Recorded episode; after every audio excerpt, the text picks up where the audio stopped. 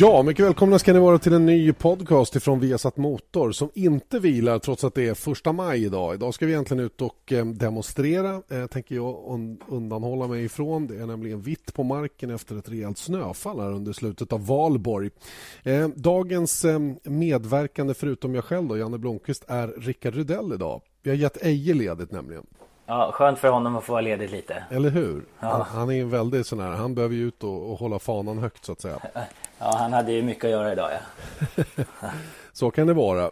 Vi har ju annars en eh, riktig superhelg framför oss nu då i eh, motorsportsammanhang och inte minst då på Vesat Motor med en, en, en stor mängd premiärer eh, saker och ting som vi kommer att se för första gången den här säsongen. Då. Vi ska komma till det om en liten stund faktiskt, men det känns ju mer relevant att just idag kanske minnas det som hände för 20 år sedan då på Imola när eh, Roland Ratzenberger omkom under lördagens kval och där Ayrton Senna fick sätta livet till under racet i inledningen på San Marinos Grand Prix. Gamla Imola-banan där du har kört många gånger, Rickard, och eh, som eh, till slut skördade sina offer.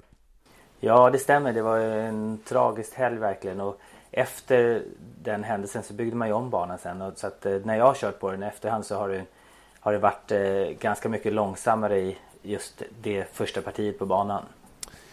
Tamburello var ju den kurva då där Ayrton Senna åkte av av fortfarande tror jag rätt så okänd anledning. Det finns ju många teorier om vad det var som hände egentligen men, men eh, ingen har väl egentligen kunnat sätta fingret på vad det, vad det var som skedde. Mer än att han åkte av och att han slog i den här betongmuren då som var tvungen att finnas där för precis bakom var det nämligen en bäck.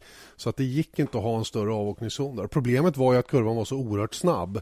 Den var ju fullt på sexan där och det gick 300 km i timmen och det är klart, hände någonting då bottnar ur och du kanar av. Sen är det ju passagerare rakt in i muren. Där. Ja, man har ju sett bilder på det också. Han, han var inte helt nöjd med bilen och, och ledde racet och alltså, körde ju verkligen på max. Sen om det var någonting som gick sönder eller inte, det lär vi väl aldrig få reda på. Nej.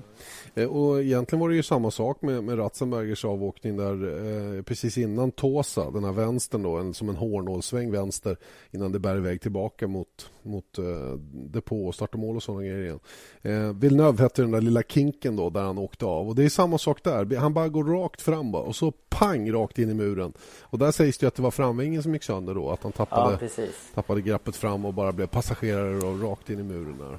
Ja, det gick ju väldigt fort i det partiet och Eh, Brabhams, David Brabham som körde med honom då, de, han har sagt att de tittade på data efteråt och ser att han ett varv tidigare har varit av banan lite grann och, och körde lite liksom eh, höger vänster för att liksom rensa upp däcken lite och sen satsade han ett varv till. Och, eh, så man tror att det var framvingen som, som gick sönder där för att det gick väldigt väldigt fort rakt ut i muren. Och på den tiden hade man inte handskydden som, som skyddar nacken i en sån smäll. Och sen hade man inte heller det här skyddet som finns runt monokocken, runt föraren i monokocken så har man ju idag eh, som något skumgummi fast väldigt väldigt hårt skumgummi mm. som tar upp liksom eh, absorberar energin från om du slår i hjälmen. Och då slog man liksom rakt i eh, stenhårt kevlar eh, kolfiberkant som var där. Så att, eh, och inget hans eh, system som sagt. Så det, det är väldigt stor skillnad. Verkligen. Visst är det det. Eh, och det kan ju faktiskt till och med vara så i och med att förarna satt så pass oskyddade från, kan vi säga, där nacken började uppåt så kan han ju ha slagit huvudet i betongen också. Ja absolut, så är det helt klart. Mm. Jag körde med Roland eh, Ratzenberger eh, i Japan lite grann. Jag körde Formel 3 när han körde Formel 3000. 92 93. Så det var, jag träffade han ett flertal tillfällen och han kom till och med en gång när jag fyllde år och firade födelsedagen så kom han och hälsade på. Så att, och det var en, verkligen en ödmjuk, trevlig kille, alltid ett leende på läpparna liksom. Så han, han gjorde som ganska många andra på den tiden, tog väg, vägen via Japan mm. då till eh, Formel 1. Just det. Eh, Eje som också har tävlat både med och mot honom eh, i långlopp då, grupp C och sådana saker. Han, han menar på att Ratzenberg var en sån här riktig grovarbetare, ingen finess direkt utan han grävde sig framåt och skulle bara nå sina mål och till slut så hamnade han i Formel 1 då, 33 år gammal i ett riktigt skitteam då som knappt fick ihop den här bilen överhuvudtaget och de hade jätteproblem innan de kom till den här tävlingen då på Imola.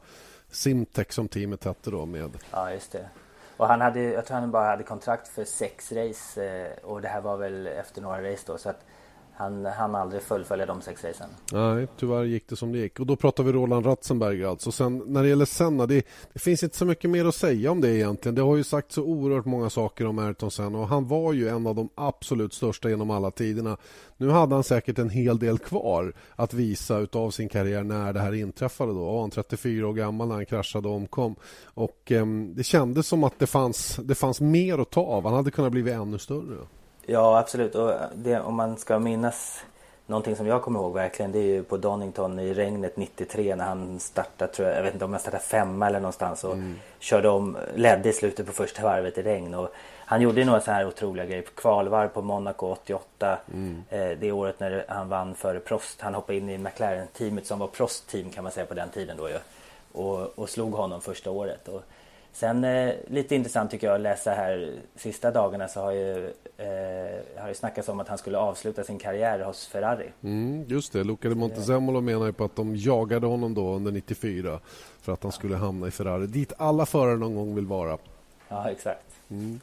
Ehm, eh, jag pratade lite kort med Stefan Johansson också, Lillövi som också eh, naturligtvis eh, inte kände Senna på det sättet men de, de tävlade ju samtidigt och de var ju till och med teamkamrater i Tolman där något kort, ett kort tag. Och eh, Han menar på att eh, Senna kanske inte var den största genom, eller den snabbaste eller största föraren genom alla tider men han, han på något sätt så var han den den med mest rå talang. Men han menar på att hans attityd och eh, väldigt, obändiga vilja då ibland skadade hans egna resultat. Då. Det menade Stefan i alla fall. Då. Att han, han var nästan han var så fixerad vid saker och ting så att han låste sig emellanåt. Va? Det tycker jag också man fick en bild av lite grann när man såg senare filmen. Men det där kanske inte är något ovant. Liksom det, han, otrolig vinnarskalle eh, var han ju helt klart. Och lite grann kan man väl säga samma med Schumacher ibland när han har eh, alltså kanske gjort saker över gränsen ibland bara för att vinna. Och med, I Sennas fall var det ju eh, det var ju Senna Prost ja, 89-90 när de körde av varandra en gång var och vann mästerskapet en gång var där 89-90. Mm. Så det, det, är klart att eh, med den vinnarskallen så är det kanske lätt att kliva över gränsen ibland. Så är det naturligtvis. Va? Hur som helst, eh, det går att debattera många gånger som helst. Jag tror det som är odebattabelt i alla fall, eller odiskutabelt, det är att han är en av de allra största genom alla tider. Absolut, för mig är han det. Garanterat. Mm. Eh, som sagt, 20 år sedan idag, sen Ayrton Senna omkom då i den här olyckan på Imola som eh, blev en olycksalig helg rent generellt. Det var ju både åskådare och mekaniker som råkade illa ut också den här helgen. Eh, plus att vi hade JJ Lehto då, som mer eller mindre avslutade sin karriär genom den kraschen han var med och Han blev påkörd av Pedro Lamy tror jag på start. Det var det som gjorde att säkerhetsbilen kom ut. Och JJ försökte komma tillbaka naturligtvis, var finländare men, men blev aldrig riktigt hundra efter det där och kunde inte fortsätta sin F1-karriär till på det sätt han hade önskat. Han var också en riktig talang i tidiga karriären eh, när han körde Formel 3 och uppåt. Och precis, fick väl aldrig riktigt det genombrottet i Formel 1 som många trodde att han skulle få. Nej, och som man kanske var på väg att få så småningom. Ehm, så att eh, den där helgen den, eh, den fick bli startskottet på någonting som vi har sett resultatet av under ganska många år nu, nämligen säkerhetsarbetet inom Formel 1 som tog enorma kliv framåt. Ehm, vi sitter ju och gnäller ibland över Herman Tilkes banor över hur stora avåkningszoner det är och hur förlåtande de banorna är. Men när man ser Imola och ser vad det är som händer i de här höga farterna när någonting går fel, vilket det naturligtvis kan göra, då, då måste man måste komma ihåg det då. Ja, absolut. Och Eh, alltså det är en stor skillnad. De, de Tamburello och Villeneuve som du sa, de kurvorna, det gick över 300 km i timmen och det fanns ingenting, bara en mur då som stod där. Så det är klart att det är eh, otroliga risker jämfört med det de kör på idag. Ja, det, det, är ju, eh, det kommer ju alltid vara en kompromiss givetvis. Det här mellan underhållningen, actionen på banan och eh, säkerheten. och eh, för hur den är, människan funkar ju så att den behöver ju på något sätt psykologiska barriärer också som gör att man, som man, blir, man håller tillbaka. Eh, men, men, eh, men, en sån här sväng då där det, liksom, det var lättfullt genom Tamburello till exempel. Va? Då, då, då är, det finns ju ingen anledning för en förare att hålla igen där ifall att det skulle hända någonting. Utan där åker man fullt, Där måste man bygga bort hindret så att säga. Ja, man tänker inte på det som finns utanför banan. Man tänker på gränsen av vad bilen klarar av att göra på den de metrarna man har att köra på. Så är det helt klart. Mm. Ja, steg, det har tagits enorma kliv framåt i alla fall säkerhetsmässigt och det har väl varit det, det, det positiva som kom ut av den här olycksaliga helgen då eh, sista april och eh, första maj då 1994.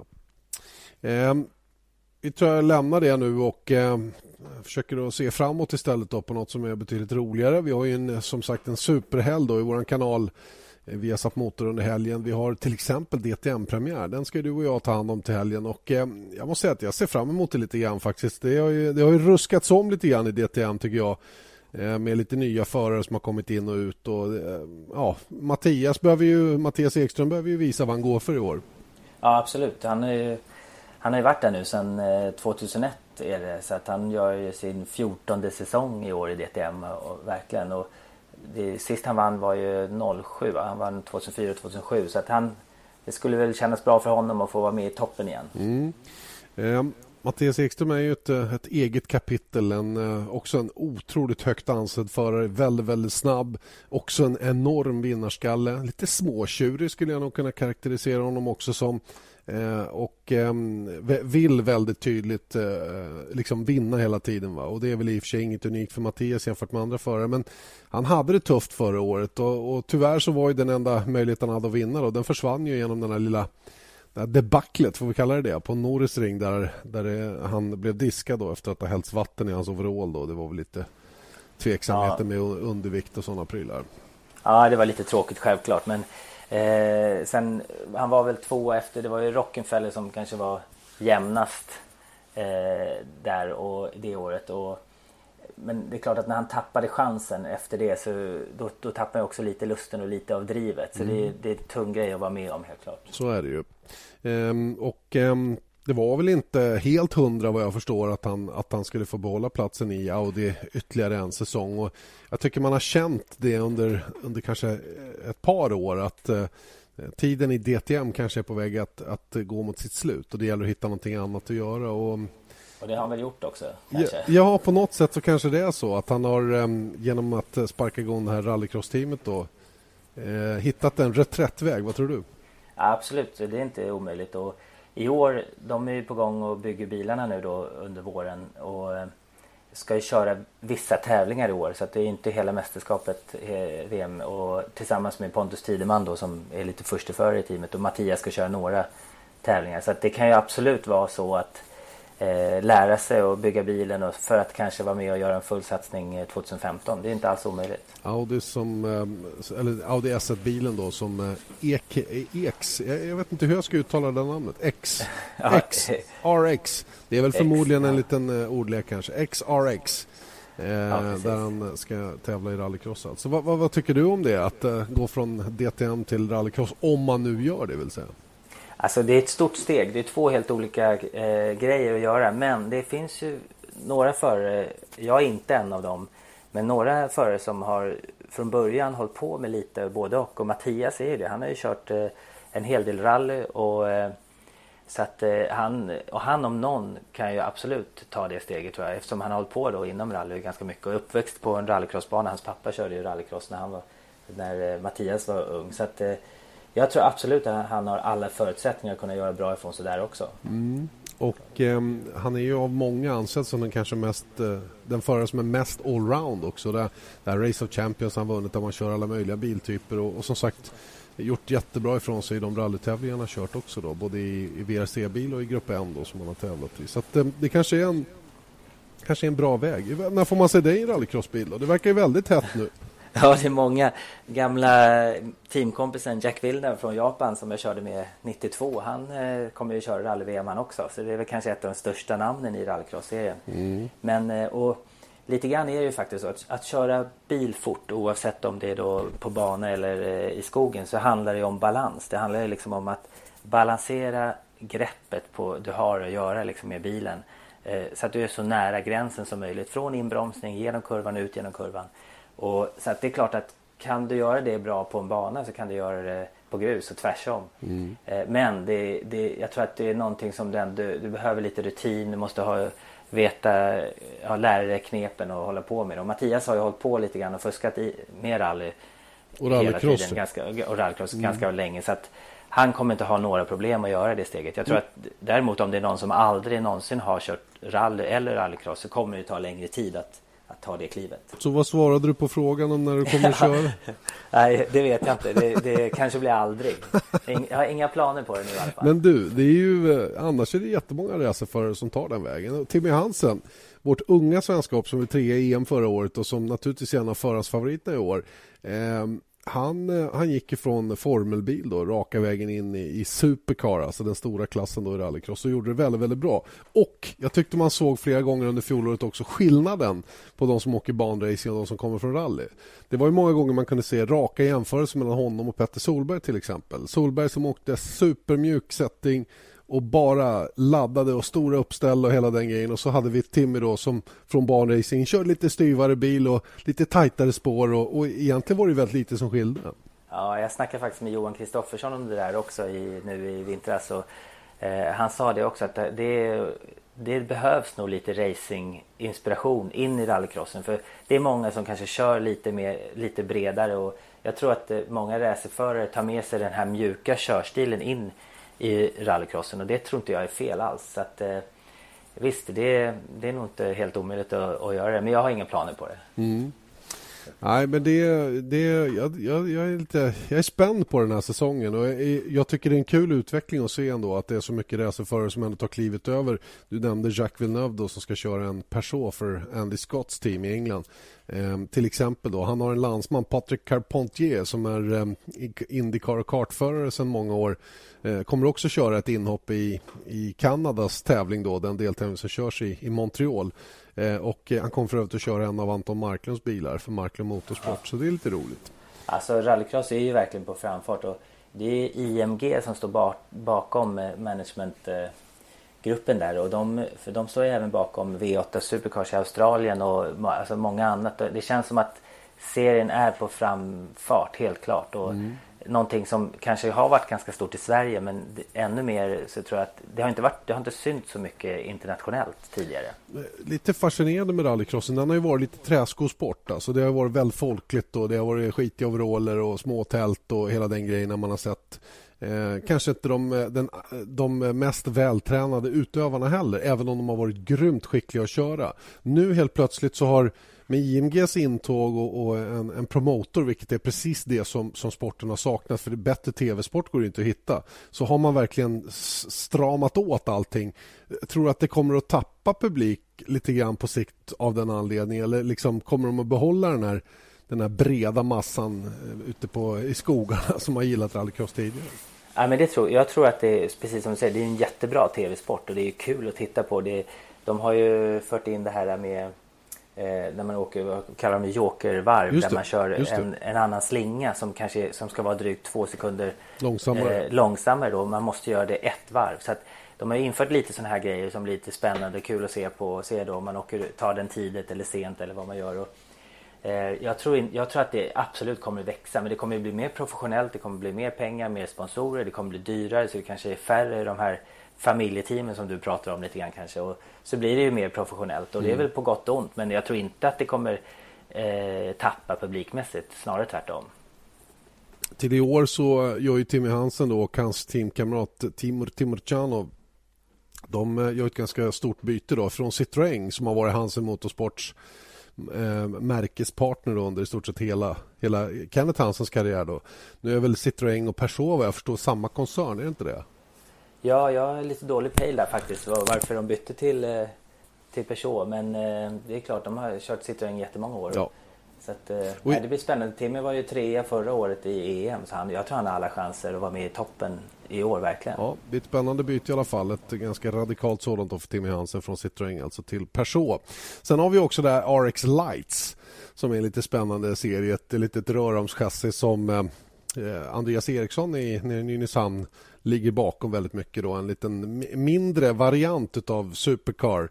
Fortfarande väldigt många hästar, drygt 300 fyrhjulsdrift naturligtvis. De röromschasser med en plastkaross och en, en, ska bli en supportklass då till de här supercar-bilarna då som är betydligt mer hästkraftstarka.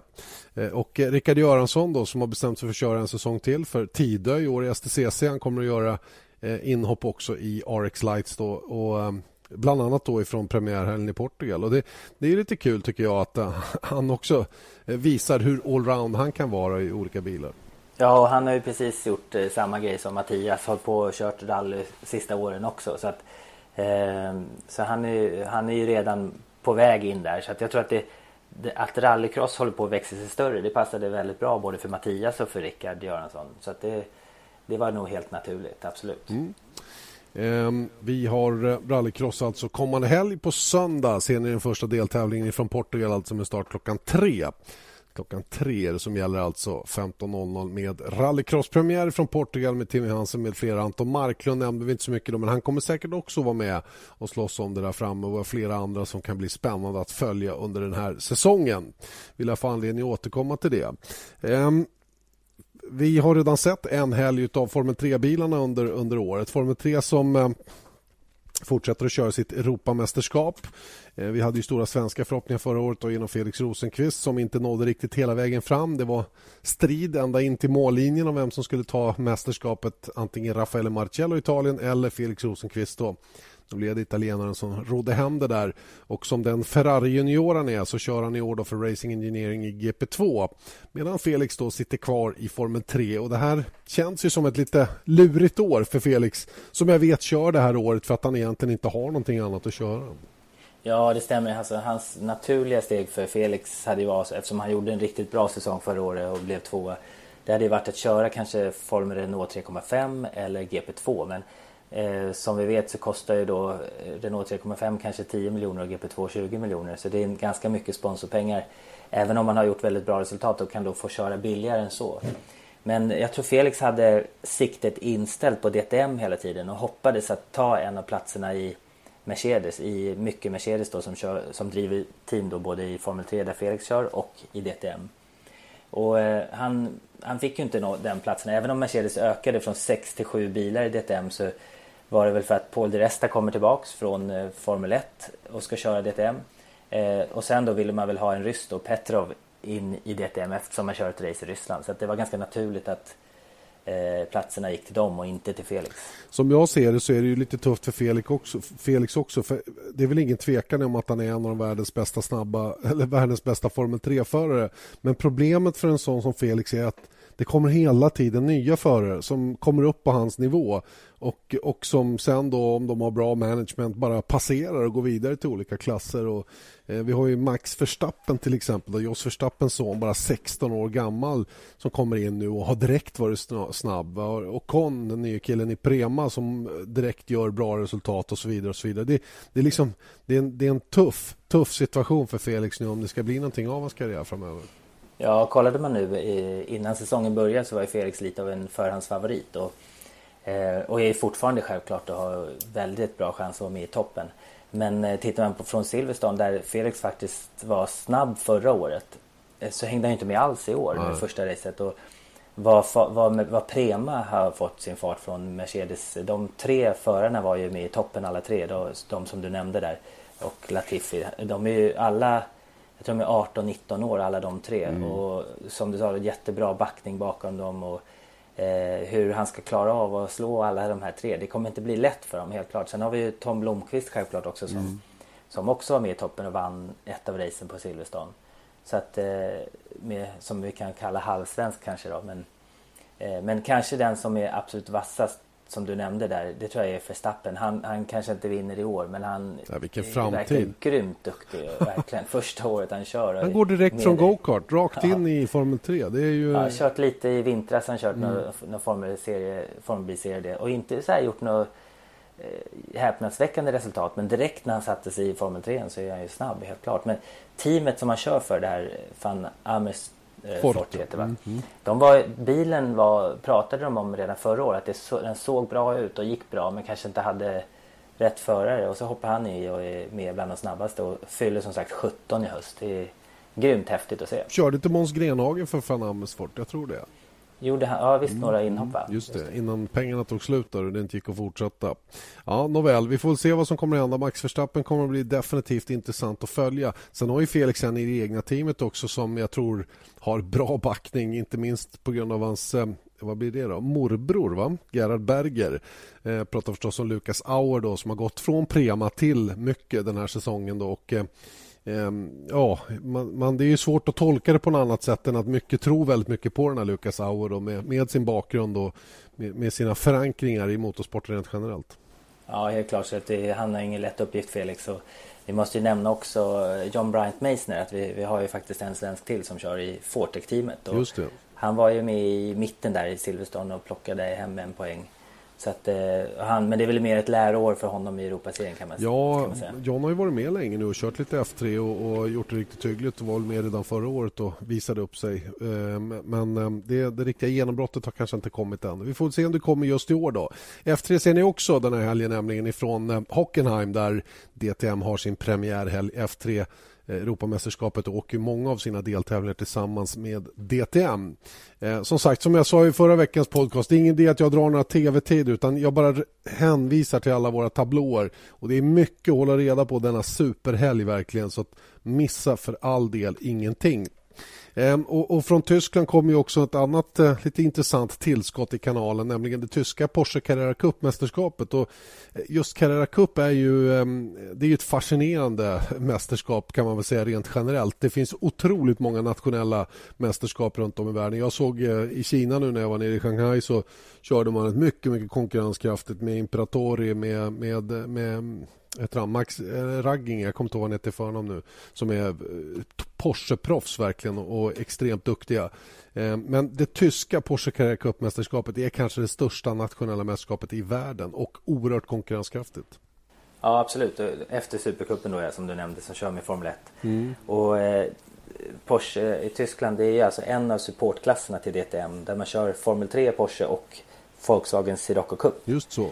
Och Ola Nilsson vann ju Sirocco Cup där, var det Två år sedan 2012 va? Mm. Ja just det. Och blev tvåa förra året i Porsche här hemma i Sverige, Skandinavien. Efter Kristoffersson. Så att han har, det ska bli jättekul att se. De har ju varit iväg och testat och sådär i alla fall och är förberedda för säsongen. Och så att det blir kul att se hur han kan hävda sig där och, och jätteroligt om han kan vara med i toppen. Och han har ju hamnat i ett väldigt bra team också. Han tar ju alltså över den platsen som Sean Edwards hade.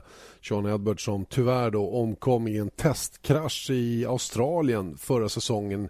Han satt som instruktör bredvid en förare som eh, tappade kontrollen över bilen och eh, de kraschade så svårt så att Sean Edwards omkom. Och Edwards var ju en av de absolut bästa Porsche-förarna i världen.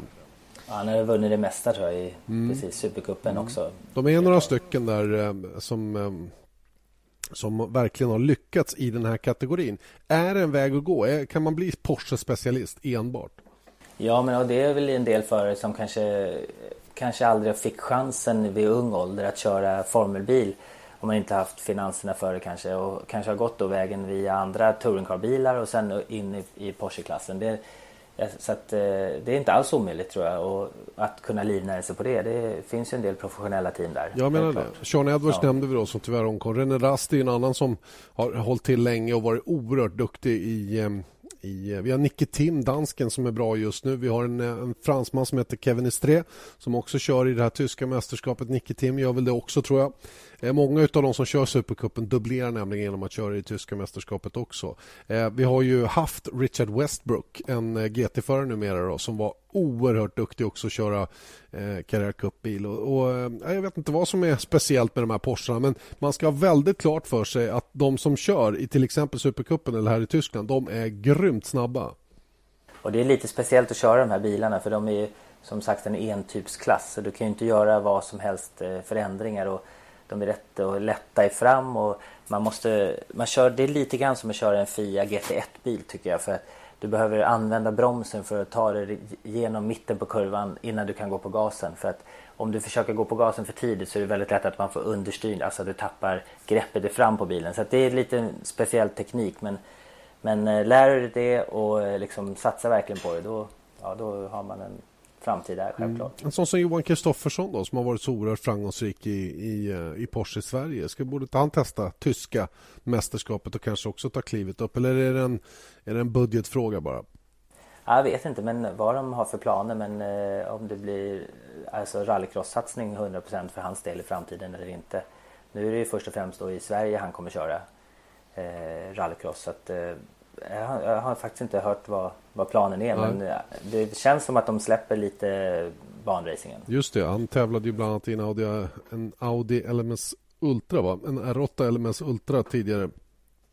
i italienska GT-mästerskapet, har för mig. Så att Kristoffersson har mycket sån eh, bankunskap men eh, ingenting aktuellt. Då. Det är alltså Ola Nilsson som tar klivet upp då i det tyska Porsche Carrera Cup-mästerskapet. Kanske med siktet inställt då på att även köra i eh, Supercupen så småningom. Då.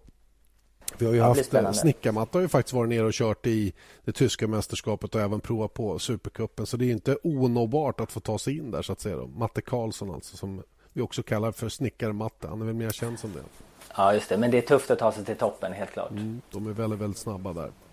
Ehm, det är Carrera Cup, ja, Tyskland, som vi premiärvisar också den här helgen då ifrån eh, Hockenheim. Så att, ehm, det är ytterligare ett eh, ytterligare någonting att sätta sig vid tvn vid. Eh, 17.35 på lördag, första racet. Och det andra racet ser ni 9.55 på söndag morgon.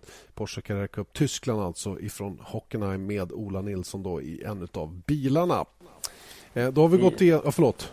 Ja, det gör inget om det är dåligt väder i helgen. Då. Det är bara att sätta sig framför tvn hela helgen. Exakt. Det är en sån perfekt helg för att se allt utom Formel 1. För vi visar i princip allt utom Formel 1 den här helgen.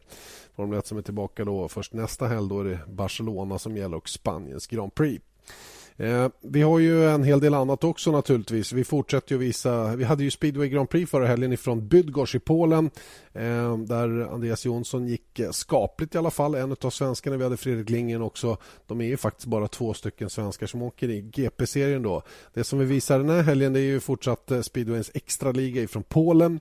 Det har ju varit lite småsurt mellan Fredrik Lindgren och det svenska förbundet där Lindgren då av en anledning inte var speciellt nöjd med förbundskaptenen och sa att han kommer aldrig någonsin att köra för landslaget så länge han jobbar där. Eh, och eh, Jag vet inte i detalj vad det är som är själva grunden till det uttalandet. Då. Men det här gjorde att Svemo surnade till lite grann och sa att nu är han avstängd, han får inte köra. Man får inte säga vad som helst. Eh, men då, då kontrades det tillbaka och det är ju så att Svemo Förbundet kan ju naturligtvis inte sätta munkavle på förarna bara för att de inte gillar förbundskaptenen. Så Det blev så att man blev tvungen att häva den där avstängningen till slut i alla fall. Och ja, det har varit väldigt stökigt rent allmänt runt omkring där. Och det, det är som jag förstår det en, en liten eh, klantighet som ligger bakom alltihopa då, som egentligen bara blev onödig och fick stora konsekvenser. Det är bara att hoppas att Fredrik Lingen kan eh, kan komma tillbaka efter det här nu och lägga allting bakom sig. Vi behöver ju bästa tänkbara lag åtminstone i lag-VM senare under året och där bör väl både Andreas Jonsson och Fredrik Lindgren ingå så småningom. Linus Sundström kör ju också i den polska extraligans första division. Och eh, Vi får som sagt se vad det blir för eh, utgång under, under helgen då när det gäller den polska körningen som eh, ni ser på söndag. Extraligan 18.55 på TV10. Den andra matchen och den första matchen den börjar 16.25. Så vi visar båda matcherna alltså på söndag med start 16.25 på TV10 och via Play och den andra 18.55. Precis som brukligt då när det gäller tiderna i speedway i Polen. Eh, hur mycket kollar du på Nascar? Äh, ibland det, sätter jag på och tittar på det men inte så ofta faktiskt. Nej, det är ingenting det... som har lockat dig? Nej men det har aldrig lite ovalracing. Jag hade en gång, jag eh, lovade för att göra en test en gång men, men det vart aldrig av och sen, det, sen vart det vidare Japan och sen blev det touringcars för mig så att eh, det blev aldrig det spåret. Samma sak där, det är inte för sent än vet du. Ja, De är många som nej, är lite äldre. Ja, men det är tufft att ta sig in där och det är en helt egen värld. Så att det, det, det, det är inte många som faktiskt från Europa som har tagit steget in i Nascar helt klart. Nej, Juan Pablo Montoya var ju en av de som kom från Formel 1 och gick in. Nu är inte han europé visserligen, men han tog sig i alla fall in i Nascar. Men lyckades aldrig vinna något ovalrace och vann ett par stycken av de här road course de kör ju på Watkins Glen va? och eh, eh vad heter den? Sonoma borta på västkusten där. En annan som tog sig in var ju Marcus Ambrose från V8 Australien som eh, har faktiskt gjort det ganska bra. Där. Men har han vunnit något ovalrace? Det är jag Nej, lite osäker på. Jag, jag tror också att han är ja. framförallt då en, en road course driver då, som klarar av den och svänger åt båda hållen. Då. Nej, det är tufft där borta, det är ingen tvekan om det. Och, och mästerskapet har ju börjat väldigt, väldigt eh, intressant. Jag såg idag att en av Nascar-förarna, om det var Kurt Busch utav bröderna, ska köra Indy 500. Han och Jacques Villeneuve som vi nämnde tidigare har ju hållit på med, de håller på att fräscha upp sina kunskaper. Det är ett tag sedan Jacques Villeneuve, han vann väl 95 tror jag, Indy 500. Och nu ska han göra comeback alltså i år. Ja, lite kul. Han verkar, han verkar vara intresserad av, av att blanda lite grann. Men rallycross blir väl det han satsar på i första hand. Ja, det blir väl det antal. Eller jag vet ärligt talat inte om det är det som han satsar på. Jag vet inte hur mycket en sån här satsning för Indy 500 liksom kostar i form av, vad ska jag säga, hur mycket det är Alltså det, det är mycket förberedelse klart och tester och alltså, han kan ju inte bara hoppa in i en bil och köra liksom. De måste ju, han måste ju över dit och, och göra en hel del tester innan om man ska göra det seriöst. Mm. Annars kommer han ju inte ha en chans. Nej. Det. Eh, och de, det de gjorde nu var ett så kallat eh, obligatoriskt eh, Indy 500 Refresher Program. Då körde de då 66 respektive 83 varv då, både Kurt Busch och Jacques Villeneuve. Busch har bara testat eh, Indy-bil tidigare och Jacques har ju som sagt tävlat då i Indy och vunnit Indy 500 vilket han gjorde då 1995.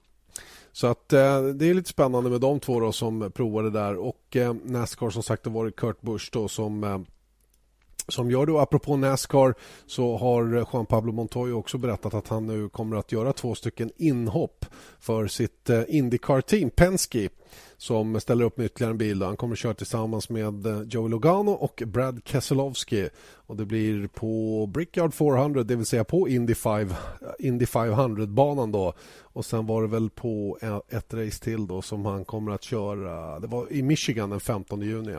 Så att eh, han, han ger inte upp riktigt ännu, Montoya, när det gäller Nascar-drömmen då som eh, han håller vid liv. Nascar som ni också ser eh, denna helg, precis som vanligt eller på säga. Nascar som hänger i och eh, blir spännande att följa även fortsatt då med eh, Arons 499 tror jag det heter. Arons 499 heter den här helgen.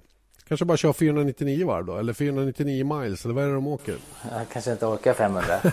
ja. Nej, startar i alla fall 18.30 på söndag, Viasat Motor och eh, på Viaplay. Så där har ni tiderna för detta. Och sen har vi ju tvåhjulingar då, Rickard. Hur, hur eh, mycket motorcykel åker du? Inte mycket. Det blir mest cykel. Ja, precis. Ja, mountainbike och, och på, på vägen. Lite blandat. Trampa för egen maskin så att säga. Eh, men den här Mark Marquez, han håller på att göra någonting som, eh, som Lewis Hamilton pysslar med i Formel 1 också. Ja, han är ju häftig att se. Jag har sett lite grann om jag har följt honom, hans framfart. Det är helt grymt vilken talang. Där har vi en supertalang verkligen.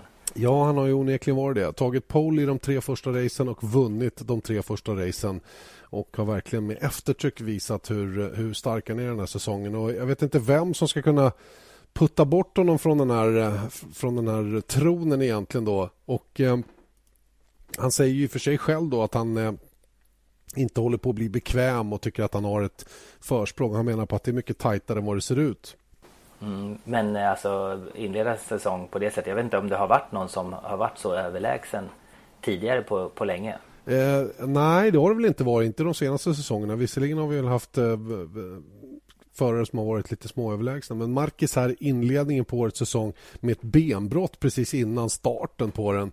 Jag menar, han, har, han har varit fullständigt mag magisk så här långt och leder nu mästerskapet med 19 poäng. Då. Och nu är det ju Europapremiär eh, med eh, körningen då på Jerez och eh, Jerezbanan brukar ju ofta bjuda på... Jag har faktiskt varit där och sett MotoGP till och med. Och det är ett enormt intresse där nere. Jag har aldrig sett så mycket motorcyklar på ett samma ställe i alla fall, det kan jag säga. Det går ju fort på den banan också så det måste vara häftigt att se där. Ja visst, eh, framförallt på baksidan precis efter man har kört igenom kurvan blir det ett, två, tre och sen är det fyran då som är en lång vänster eh, innan man kommer upp och, och, tar sig an den långa bakrakan där. Den är ju grymt häftig att se de här MotoGP-cyklarna i. Så att... ja, där har man spunnit någon gång i en uh, touringcar. Ja, det kan jag tänka mig. Man måste prova sånt också.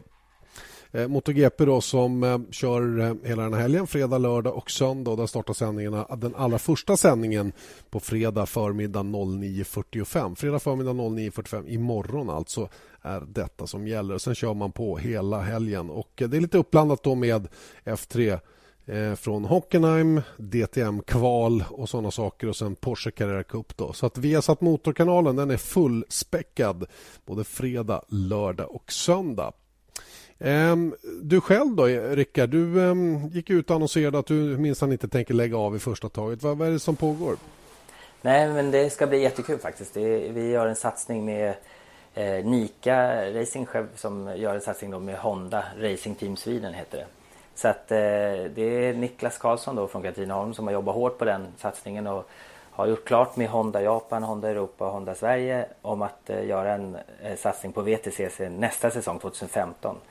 Så det ska bli riktigt kul faktiskt och vi kommer igång och testa under hösten och jag kommer försöka köra, göra något inhopp och göra lite, an, köra lite annat under säsongen i år. Bara för att hålla rattrosten borta och sen då satsa för fullt inför 2015. Så det ska bli jättekul. Till exempel vad då? Nej, ingenting som är helt bestämt ännu. Någonting, kan, du, någonting kan du dra. Nej men, det, nej men det är det inte faktiskt. Det är inte något bestämt till 100% procent ännu. Jag förstår. Jag ska inte pressa dig mer på det då. Men, men eh, du, ni kommer alltså köra lite fulla nya VTCC-reglementet då från och med 2015? Precis, TC1-klassen då som är 60 hästar mer än vad det varit tidigare och ganska mycket mer downforce. Så bilarna är 4-5 sekunder snabbare per varv än vad då touringcarbilarna har varit tidigare. Och hur ser du på det här nya reglementet? Tycker du att det är en bra utveckling? Eller jag vet, du är inte så jätteförtjust i det här med downforce och grejer. Du vill mer ha mekanisk grepp vet jag. Ja, men alltså, det som är kul att se är ju bra racing och hittills tycker jag att det har funkat ganska bra. Eh, men det är klart att mer effekt och inte mer downforce kanske hade varit det, det bästa just bara ur eh, publiksynpunkt. Men å andra sidan så är ju bilarna snabbare, mer utmaning att köra och tuffare för förarna. Så att, eh, mer G-krafter så att det, det kommer bli jätteroligt för körmässigt så, helt klart. Och sen om det blir lika bra publikmässigt eller sämre, det får, väl, får vi väl se. Du, annars har ju många av dina gamla kompisar från eh, BTCC-tiden gått tillbaka till BTCC till i år. Ja, både Alain och Giovanardi har hoppat in där. Och, men det är tufft, det, den serien. Det, BTCC har ju verkligen lyckats som nationell serie med det här nya NGTC-reglementet. De har ju över 30 bilar och kö på team och bilar som vill köra. Så att de har infört en licens för teamen att få, få ställa upp och köra. Så, så att eh, de, de, kan bara ta in 30 bilar, 31 eller vad det är. Mm. Så det är rätt häftigt hur de har som nationell serie med då livesändningar i BBC och så har det gått väldigt, väldigt bra för BTCC de sista säsongerna. Mm. Ja, fascinerande. Mycket fascinerande att se vad som kommer att hända i det avseendet också. Det är lite spännande med VTCC med, med Sebastian Löbs intåg. Man behöver ju några profiler där också kan jag känna. Att det, att det kanske blir lite återväxt. Jag vet, är det en liten sån här um, farbrorsracing det där? Jag, med all respekt för din ålder. Ja, exakt. Nej, men det, det är som du säger nu med Citroën med i serien. Nu har ju, var ju de igång och testade väldigt tidigt och har ju dominerat i år. Eh, första två racen. Eh, och det är lite tråkigt om de ska göra det hela säsongen. Men jag tror att eh, Citroën som har klivit in gör att intresset ökar och att Sebastian Löb kör och vi har några yngre förare också som, som är med i serien och jag, det ryktas om and, fler importörer på väg in till nästa säsong också. Så vi får se. Jag tror att jag tror VTCC absolut har en framtid i och med att man kör i alla världsdelar i Sydamerika, Nordamerika och, och då även i Asien, Afrika, inte Australien dock. Nej. Men så, eh, så tror jag att VTCC absolut har en, en framtid. För det är någonting annat än DTM. Medan DTM är en jättebra serie. Men det är ändå eh, de tyska tillverkarna, Mercedes, Audi, BMW som satsar stenhårt. Och det är framförallt på... inget FIA-mästerskap heller. Det är ju ett, eh, det är ju faktiskt ett mästerskap som ägs av de här märkena som är med. Ja, precis. Men sen, sen måste man ju helt klart säga att DTM har ju grymt starkt för, bra förare som går fram och tillbaka till Formel 1. Från DTM och tillbaka till DTM. Så att, eh, som Paul de till exempelvis. Och det, det är mycket tack vare att de här importörerna kan satsa väldigt mycket i DTM så att det är bra löner. Så att det, det är många professionella, det är fler professionella förare i DTM än vad det är i VTCC. Mm. Ehm, vi gjorde en liten annan intressant reflektion också när vi jämförde de här båda matarklasserna till Formel 1, GP2 World Series där där World Series, vad var det? Ettan och trean till Formel 1 och tvåan och fyran till DTM, var det så? Ja, ettan och tvåan till Formel 1. Ja, så var det. Så Van Dorn ja, just det. Med, med Magnusen och McLaren som mm, testförare. Just det. Och så trean och femman till, eh, till DTM, så det är lite kul, verkligen. Mm. Da Costa och eh, Nico Müller. Nico Müller. Nico Müller som ska köra Audi. Just det, Nico Müller och eh, Felix da Costa då, som man trodde skulle få den där platsen i Toro Rosso som snåddes av Daniel Kviat. Da Costa får nöja sig med att åka BMW då istället i eh, DTM. Eh, DTM som ni ser hela helgen alltså, både kval och race, lördag och söndag. Missa för all del inte detta. Vi har massor av eh, saker att se fram emot under helgen i eh, Viasat Motors kanaler. Det kan säkert bli något som spiller över i någon av våra hjälpkanaler, typ Viasat Sport också. Jag är inte helt hundra på det faktiskt. Eh, sen ska jag också säga det att när det gäller att minnas Senna och framförallt Roland Ratzenberger så kommer vi göra det betydligt mer och betydligt grundligare i samband med Spaniens Grand Prix nästa helg. Då blir det mer av den varan alltså. Och eh, Jag tycker inte det finns så mycket mer att tillägga. Vi, eh, vi kör väl hårt under helgen du och jag Rickard så syns vi på, på lördag där någonstans. Det gör vi, det blir kanon. Och ni andra får hänga med under helgen i TV-kanalen också. Härifrån våran podcast säger vi nu tack och på Janne Blomqvist och Rickard Rydell.